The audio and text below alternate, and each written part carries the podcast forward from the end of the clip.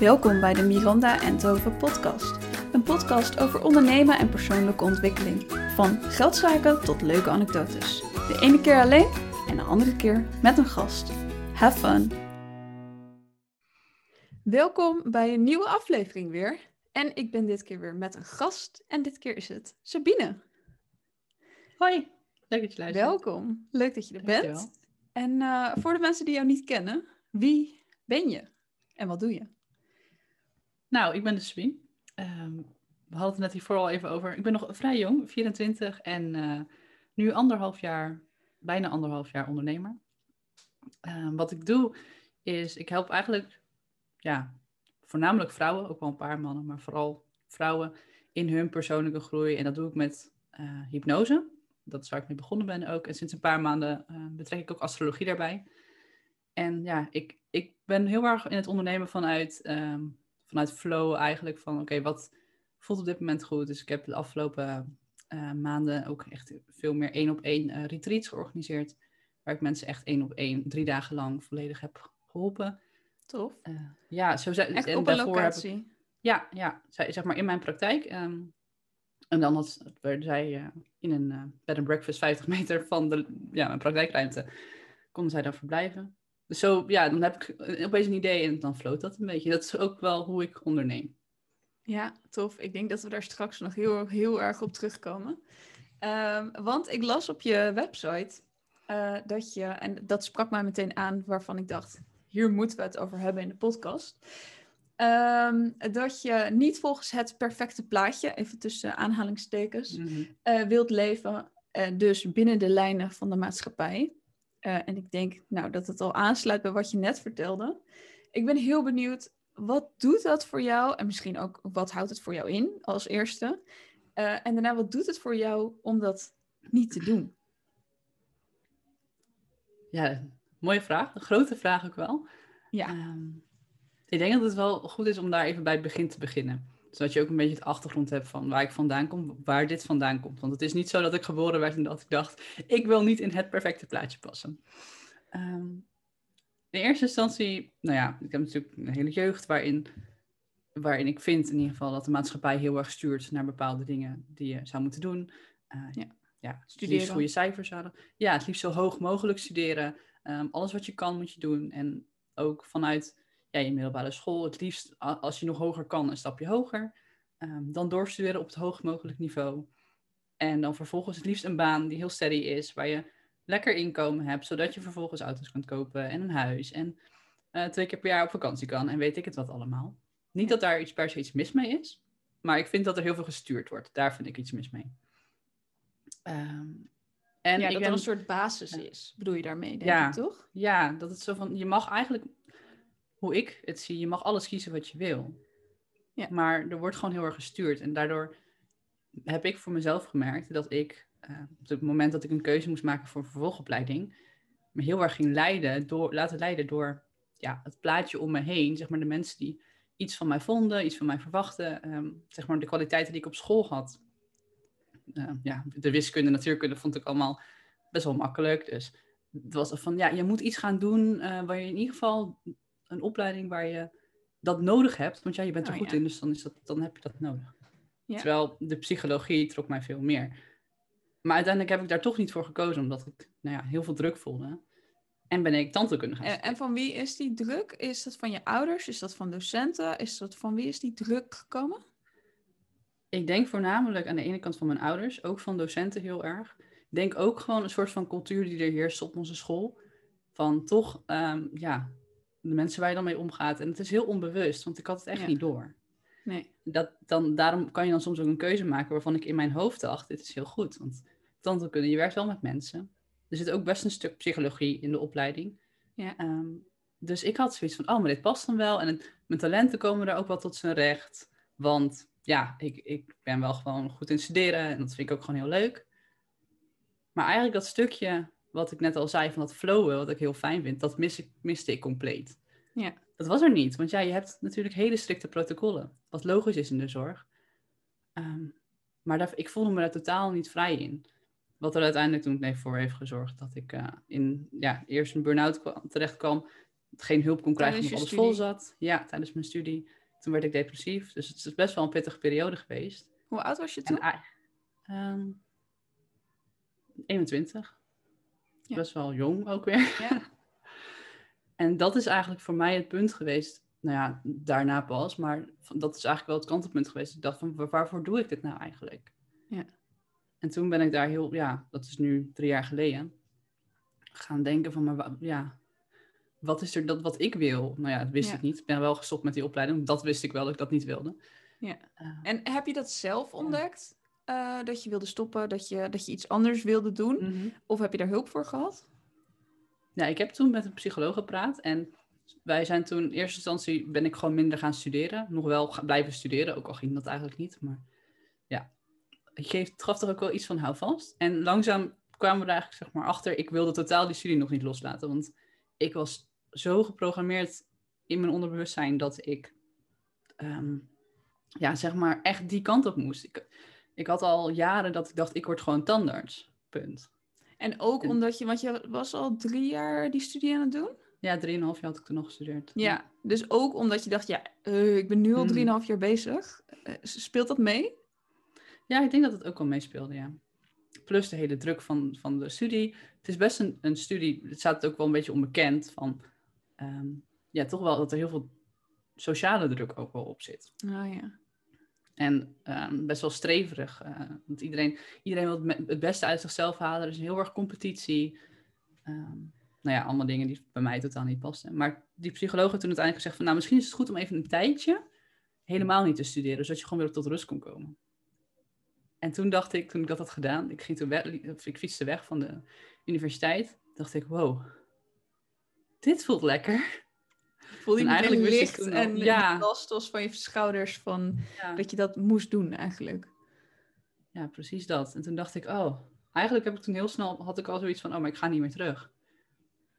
Maar ik heb daar inderdaad wel hulp voor nodig gehad. Iemand die dat gewoon tegen me zei van, het is oké om nu tijdelijk te stoppen. Nou ja, toen, dat was voor mij genoeg om te zeggen, oké, dan stop ik helemaal. Geen idee wat ik wil, maar dit Ja. wil ik niet. Mooi. Ja. En ben je toen wel een andere studie begonnen? Of dacht je toen, eigenlijk wil ik helemaal niet studeren. Waarom is studeren nodig? Ehm, nou, ik, op dit moment studeer ik weer. Ik ben in september weer Ah. begonnen. Maar ik heb toen ehm, wel anderhalf jaar gewoon echt de tijd genomen van... wat wil ik? Wil ik wel inderdaad studeren? Wat, wat Ja. vind ik leuk?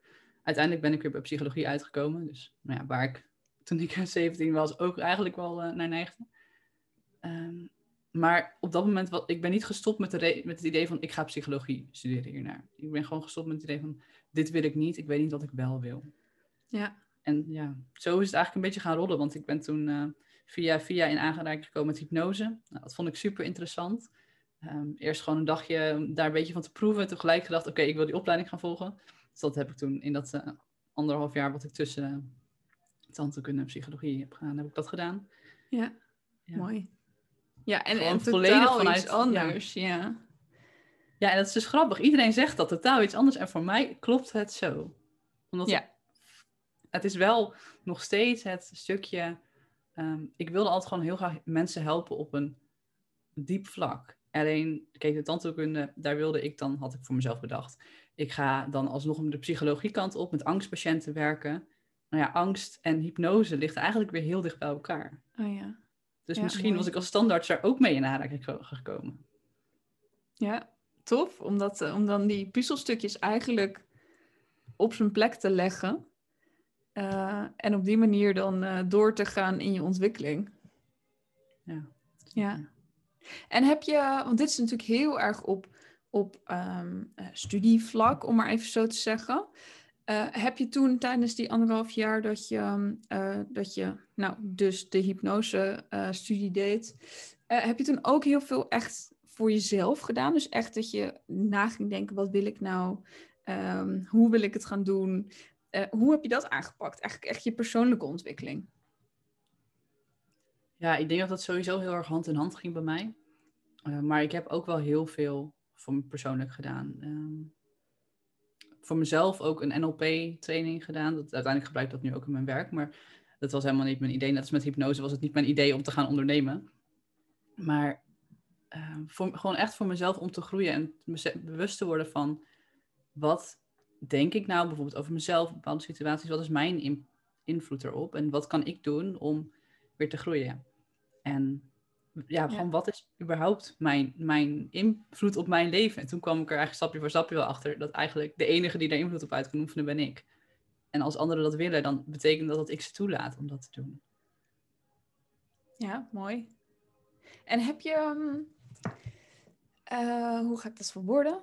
Um, nou, je bent 24. Ik denk dat de meesten op hun 24ste nog niet hier zijn waar jij staat, denk ik. Uh, niet, ik zal niet alles over één kamp scheren, maar uh, laat ik het voorzichtig uitdrukken. Dus de, denk je dan dat jouw burn-out daarvoor heeft gezorgd? Of heb je eigenlijk altijd wel al van jongs af aan gedacht van ik, dat je een beetje je eigen weg ging wandelen? Of dat je, um, nou ja, je zette je dus niet heel erg af tegen de maatschappij, om het maar even zo te zeggen. Uh, maar hoe voelt dat voor jou? Nou, eigenlijk aan de ene kant wel, maar aan de andere kant totaal niet. Ik was zeg maar als meisje was ik juist heel erg bezig met, oké, wat willen anderen? Wat verwachten, bijvoorbeeld op school de juf en de meester van me, wat verwachten mijn ouders van me? Um, wat verwachten ze bij sport van me? Maar aan de andere kant had ik wel, dat het, waar het vooral in naar voren kwam, was dat ik kleding altijd heel anders wilde. Ik wilde nooit hm. hetzelfde aan als de rest, gewoon omdat de rest het had. Um, als iedereen dan met een bepaalde de, schoenen liep, iedereen had van die All-Stars toen, dan had ik ja. zoiets, nee, ik wil geen All-Stars, ik koop fans, want dat had niemand dan. Zeg maar, dat, dat, stukje wel, maar dat was eigenlijk het enige stukje waar ik dat echt durfde. Dus die burn-out heeft daar wel voor gezorgd dat ik dat uh, um, ja, ben gaan doen. Zeker. Ja. En wat is dan voor jou het niet doen zoals het uh, perfecte plaatje is? Uh, ja, hoe, hoe voelt dat voor jou? Hoe is dat voor jou? Wat is dat voor jou? Um, ja, wat is dat voor mij? Uiteindelijk is het niet zozeer wat te doen met bijvoorbeeld met die kleding had. Ik ga het niet doen omdat de rest het doet. Dat is het niet. Want dat is ook niet per se dicht bij jezelf zijn. Dat is alleen, je gaat er gewoon tegen in omdat iedereen het doet. Uiteindelijk vind ik het perfecte plaatje links laten liggen. Is gewoon puur bij jezelf zijn. En hoe dichter je bij jezelf komt, hoe beter je jezelf kent ook. Um, hoe meer je keuzes kan maken voor jezelf vanuit jezelf. En soms ook gewoon echt die ruis even eraf halen. Want ja, iedereen vindt er toch wel iets van. Ja, ja, wat je ook doet. Ja, het maakt niet uit wat je doet. Iedereen vindt er iets van. Ik wil, nu ben ik ondernemer. Heel veel mensen hebben echt zoiets van, nou, ja, het is verschrikkelijk dat je je studie, uh, dat je niet volledig focust op je studie. Andere ondernemers zeggen, ja, ja, maar je gaat er niet nu nog studeren daarnaast. Dan denk ik, ja, je kan het niet goed doen. Ja, en als je tandarts was geweest, dan was het ook niet goed geweest. Want dan uh, was er weer iets wat, uh, wat verkeerd eraan was. Ja. ja, dan had ik het zelf sowieso al niet leuk gevonden. En dan had ik waarschijnlijk ook daardoor weer, ja, was ik ook niet op het goede pad, dus dat voelt ook niet goed. Dus uiteindelijk voor mij, jouw, ja, zeg maar, je mag je eigen perfecte plaatje creëren. Dat is het vooral. Ja. wat wil jij op jouw manier? En ik kom er ook steeds meer achter, ook door het ondernemen, want ondernemen en persoonlijke ontwikkeling zijn gewoon echt eigenlijk bijna één. Het is zo met elkaar uh, in elkaar versmolten. Zeker, daar ben ik het helemaal mee eens. Ja. ja. Dat, ja, je, je kan, moet je, je, kan het, je, Nee, ja, je moet jezelf wel ontwikkelen om ook weer verder te komen met je bedrijf. Uh, Wil jij een voorbeeld anders... geven? Ik ben ook wel benieuwd naar jou. ja, uh, even denken. Nou, ik heb wel, uh, ik heb sowieso best wel wat coachingstrajecten gedaan. Ik heb nu toevallig een paar dagen geleden ja gezegd tegen een nieuw traject. Ik ga het, ehm, de mastermind doen van Jorg Ruis.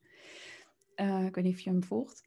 Um, en ja, ik merk daar gewoon in dat ik, dat ik nu al bedenk: oké, ik ga van hem weer dingen leren die ik in mijn persoonlijke leven waarschijnlijk toe ga passen, maar daardoor ook indirect in mijn bedrijf toe ga passen.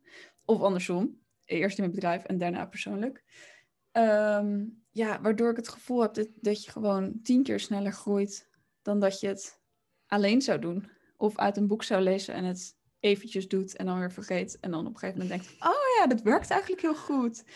Ehm, dus ja, ik denk dat dat altijd aan elkaar verbonden is, hoe je het doet. Want als jij stilstaat, dan staat je bedrijf waarschijnlijk ook stil.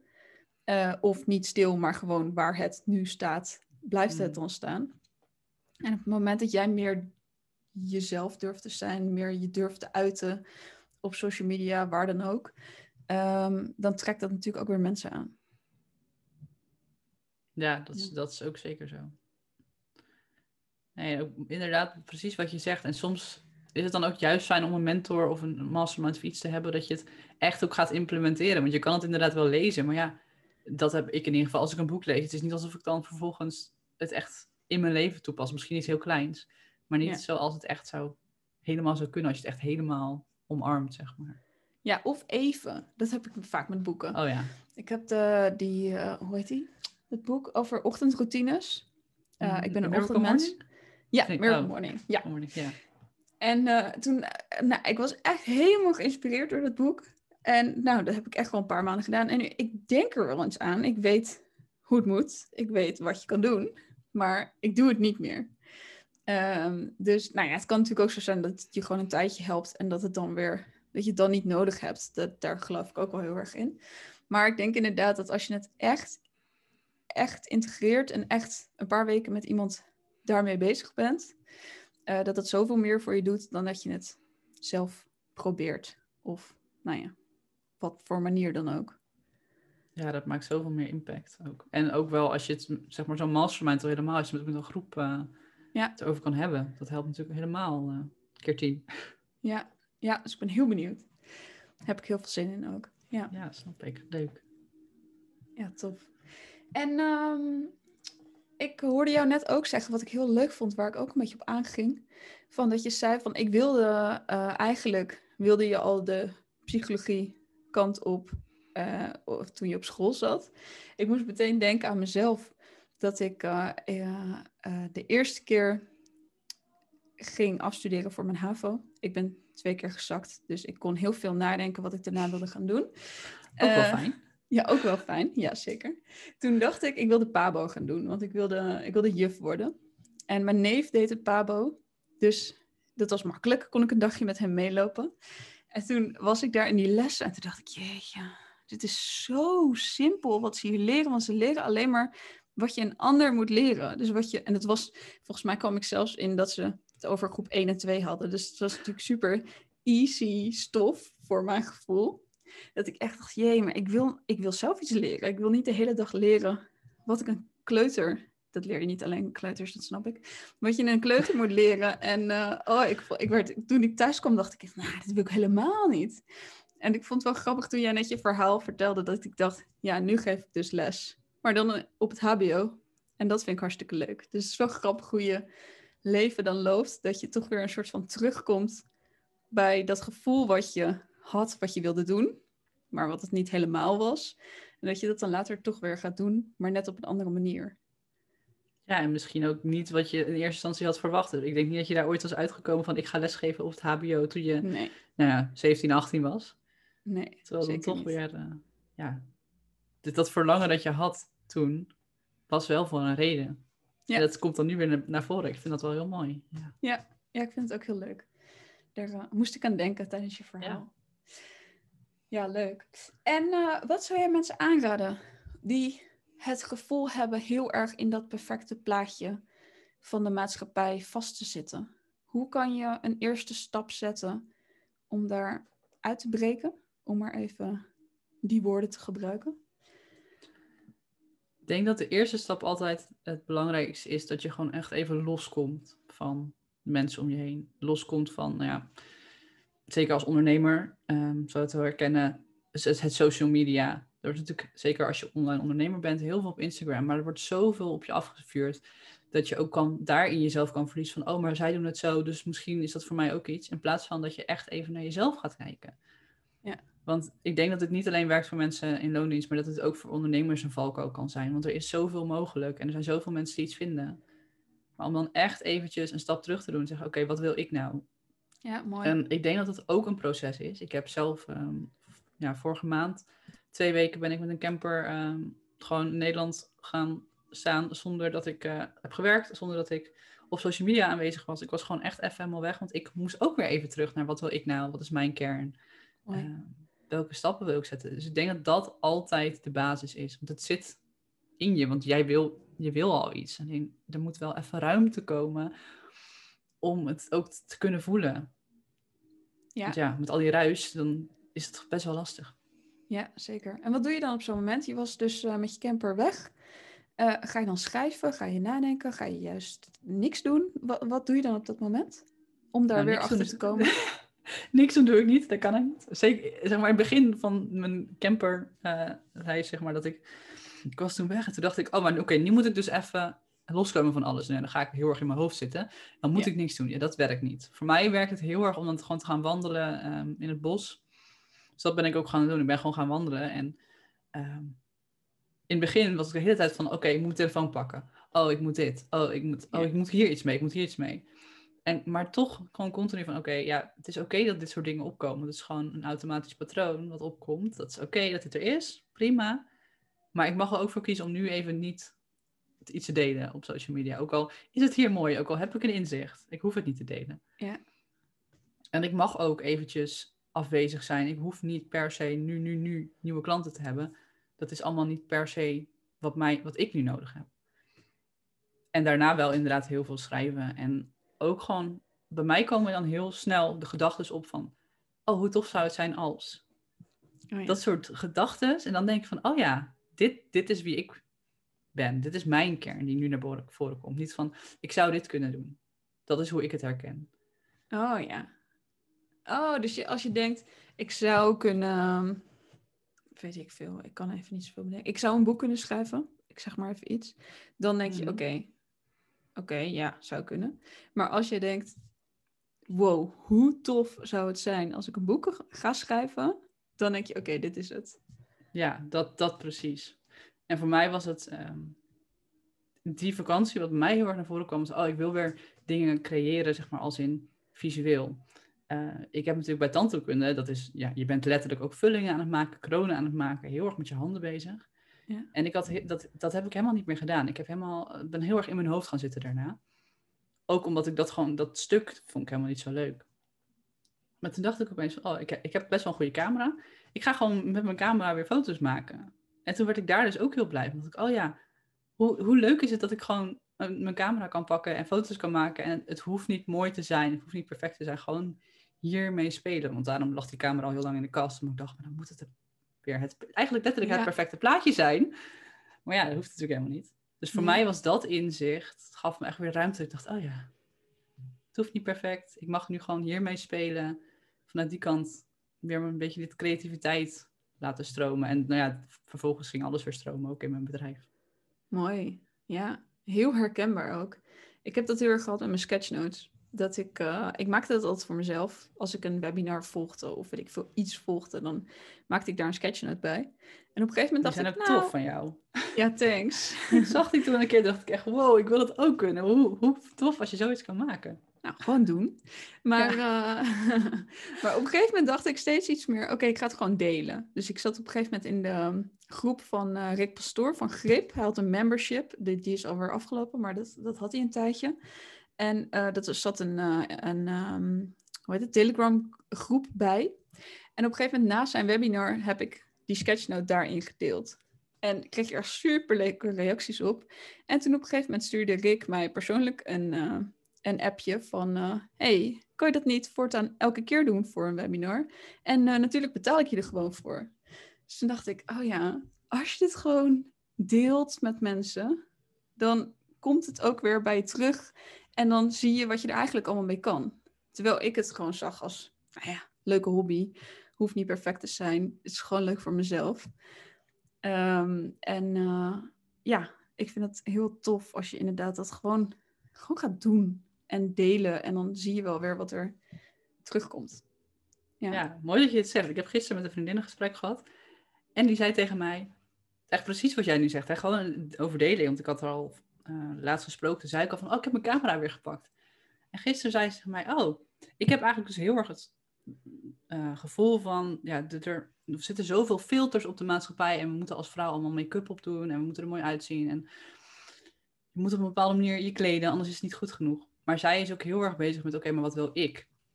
Ehm, en om daarin haar zichzelf ook echt te laten zien. En ze wil daar ook iets mee, zeg maar, op social media. Maar in eerste instantie meer voor zichzelf. Van oké, ik wil meer mezelf echt leren kennen. En toen vroeg ze aan Ja. mij van, oh, zou jij het tof vinden om samen een eh, project te doen? Dat jij, zeg maar, de fotograaf bent. En dat je mij in mijn puurste vorm gewoon zoals het is vast gaat leggen. Toen dacht ik, dit is nou gewoon Wauw. het werkt. Ik, ik heb zeg maar dit uitgesproken. Ik wil zeg maar mijn hele thema van mijn business is eigenlijk ook het perfecte plaatje los durven laten.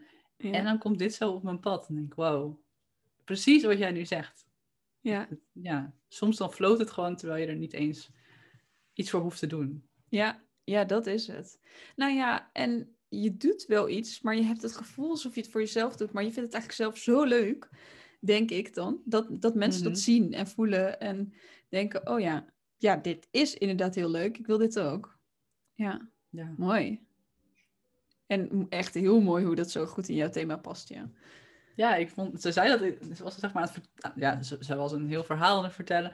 En zeg maar, ik, ik merkte gewoon dat ik, ik kon niet meer meer lachen inhouden. Ik zat echt zo van, wow, wat tof dat je dit doet. Dat had ze nog niet eens aan mij gevraagd of ik iets wilde helpen. Maar ik had alleen maar van, wow, hoe tof Ja, dat jij dit wil gaan doen.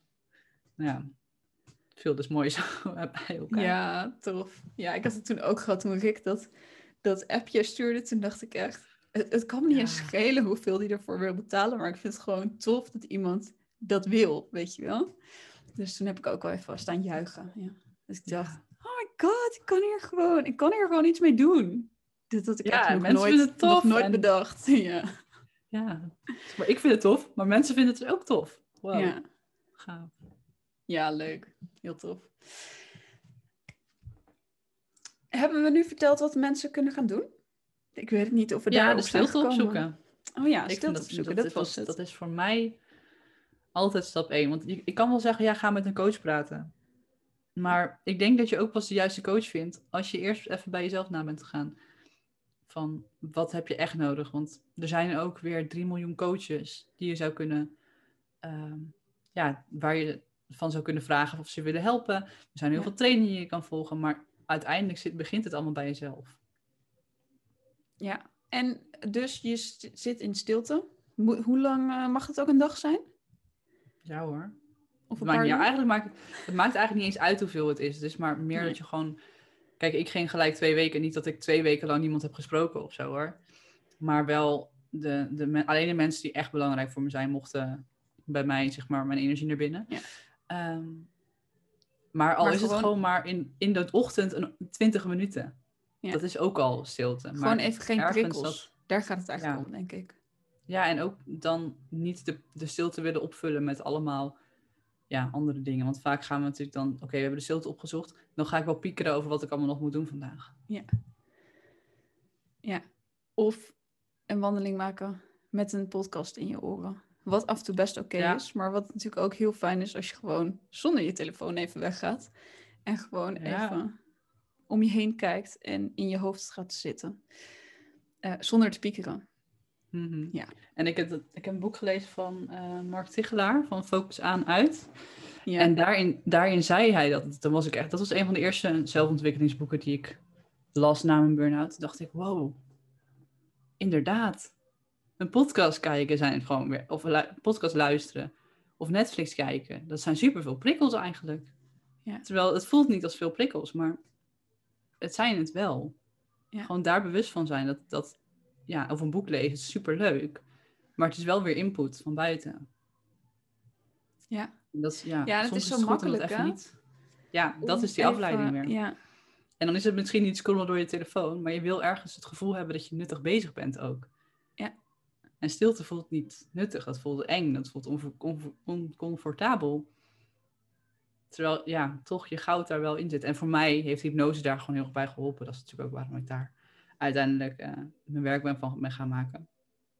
Omdat ik dan echt al die ego-stemmetjes die continu zitten te kwet, kwekkeren om me heen. Zo van, ja, je moet dit, je moet dat. Die, die zijn dan gewoon even weg. En dat heeft mij ook heel erg geholpen. Mooi. En wanneer, ik, ik weet niet zoveel over hypnose. Dus wanneer is het dan, als je in hypnose bent, dan zijn die stemmetjes weg. Ja, wat eigenlijk, als je even gewoon heel makkelijk naar hypnose kijkt.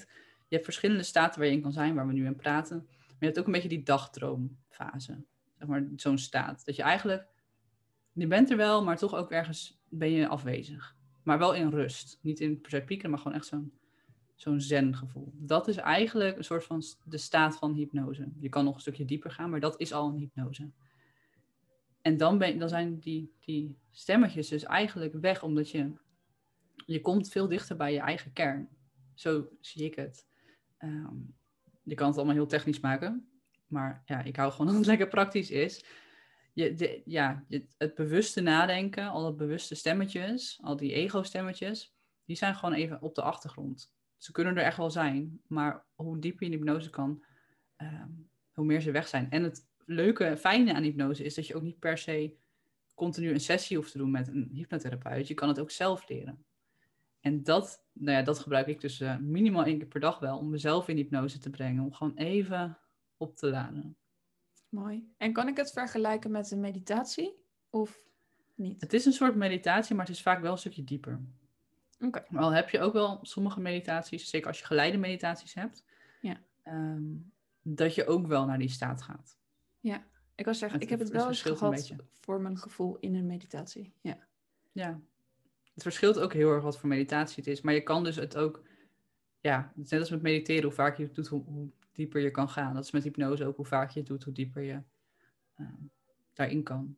Mooi. Hoe ontspannender het eigenlijk wordt, want hypnose is eigenlijk niks dan een hele diepe ontspanning.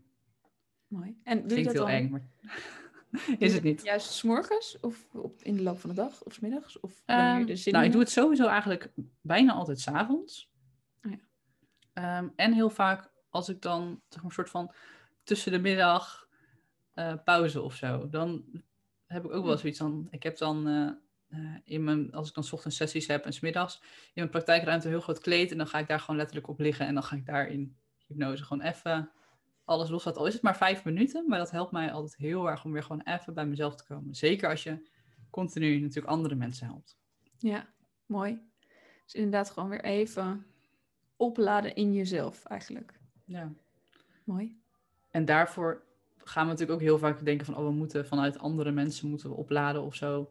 Maar uiteindelijk, ik geloof er echt in dat alles in jezelf zit. Dus ook Ja. dit stukje. Mooi gezegd. Ja. En ik dacht net nog over die prikkels. Eh, ik heb ook een tijdje gehad dat ik eigenlijk even iedereen zat was die ik volgde op Instagram. Toen heb ik sowieso heel veel mensen verwijderd, of niet, of ontvolgd, ehm, die ik echt heel erg zat was. Maar wat mij ook heel vaak helpt, is dat je stories van mensen uit kunt zetten. Ehm, eh, en dat is ook wel als jij een beetje in zo'n fase zit van ik wil groeien en je ziet iedereen super hard gaan, eh, maar jij bent daar nog niet. Soms is dat gewoon zo frustrerend inderdaad om te zien. Eh, en schakel het dan gewoon voor jezelf uit, zodat je het niet meer ziet. En alleen maar wat vrienden ziet die je altijd gezellig vindt om te zien, bijvoorbeeld. Eh, punt 1, je bent sowieso ook minder snel afgeleid, want er is niks op Instagram om te zien. Dus je kan hem heel snel weer afsluiten, als je hem toch dan uit automatisme Mhm. opent. En, eh, ja, en je, wordt dus, je krijgt niet de hele tijd die prikkels mee die je dus niet wil hebben.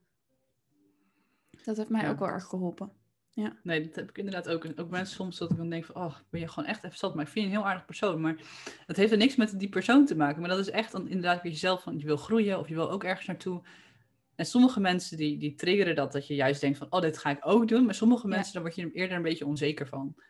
En dan denk ik ook van, oké, ik ga even alles van jou uitzetten. Want je kan ook posts uitzetten. Ja, klopt. Ik zie jou gewoon even niet meer. En als ik dan weer wat beter in mijn vel zit, dan wil ik je best weer zien. Dan kan ik het weer Ja. als motivatie gebruiken.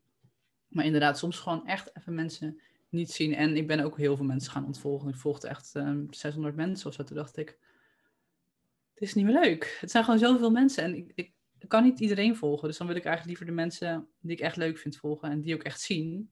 Ja. Dan, ja, al die mensen. Het allemaal fantastische Ja. mensen zijn. Maar Ja, ik heb het hetzelfde. Ik had op een gegeven moment zelfs dat ik niet eens door mijn stories heen kwam. Dus van sommige mensen zag ik zelfs niet eens stories, omdat ze dan een beetje achteraan stonden. En het was gewoon veel te veel voor wat ik kon, kon zien op een dag. Dus toen dacht ik ook, oh ja, nee, het moet echt even minder. En sommige mensen gewoon uitzetten waar ik inderdaad elke dag bij denk, oh gadver, ik heb helemaal geen zin om, om dit te zien. Dat, dat ligt niet, nee. sowieso ligt dat nooit aan de ander. Het ligt op waar jij bent op dat moment in jouw leven, in jouw zijn. Ja. Ja, Ja, precies. En hoe krachtig is het dan als je ook kan zeggen van oké, dit ligt inderdaad, het stukje ligt bij mij. En ik wil het gewoon even niet zien. Want je kan natuurlijk ook continu ehm, dan zeggen van oké, maar ik stel mezelf er gewoon aan bloot. Ja, dat kan, als je dat zou willen. Als je dan daarmee iets wil doen. Maar soms is het ook gewoon oké om te zeggen, oké, ik ga dit even uit de weg.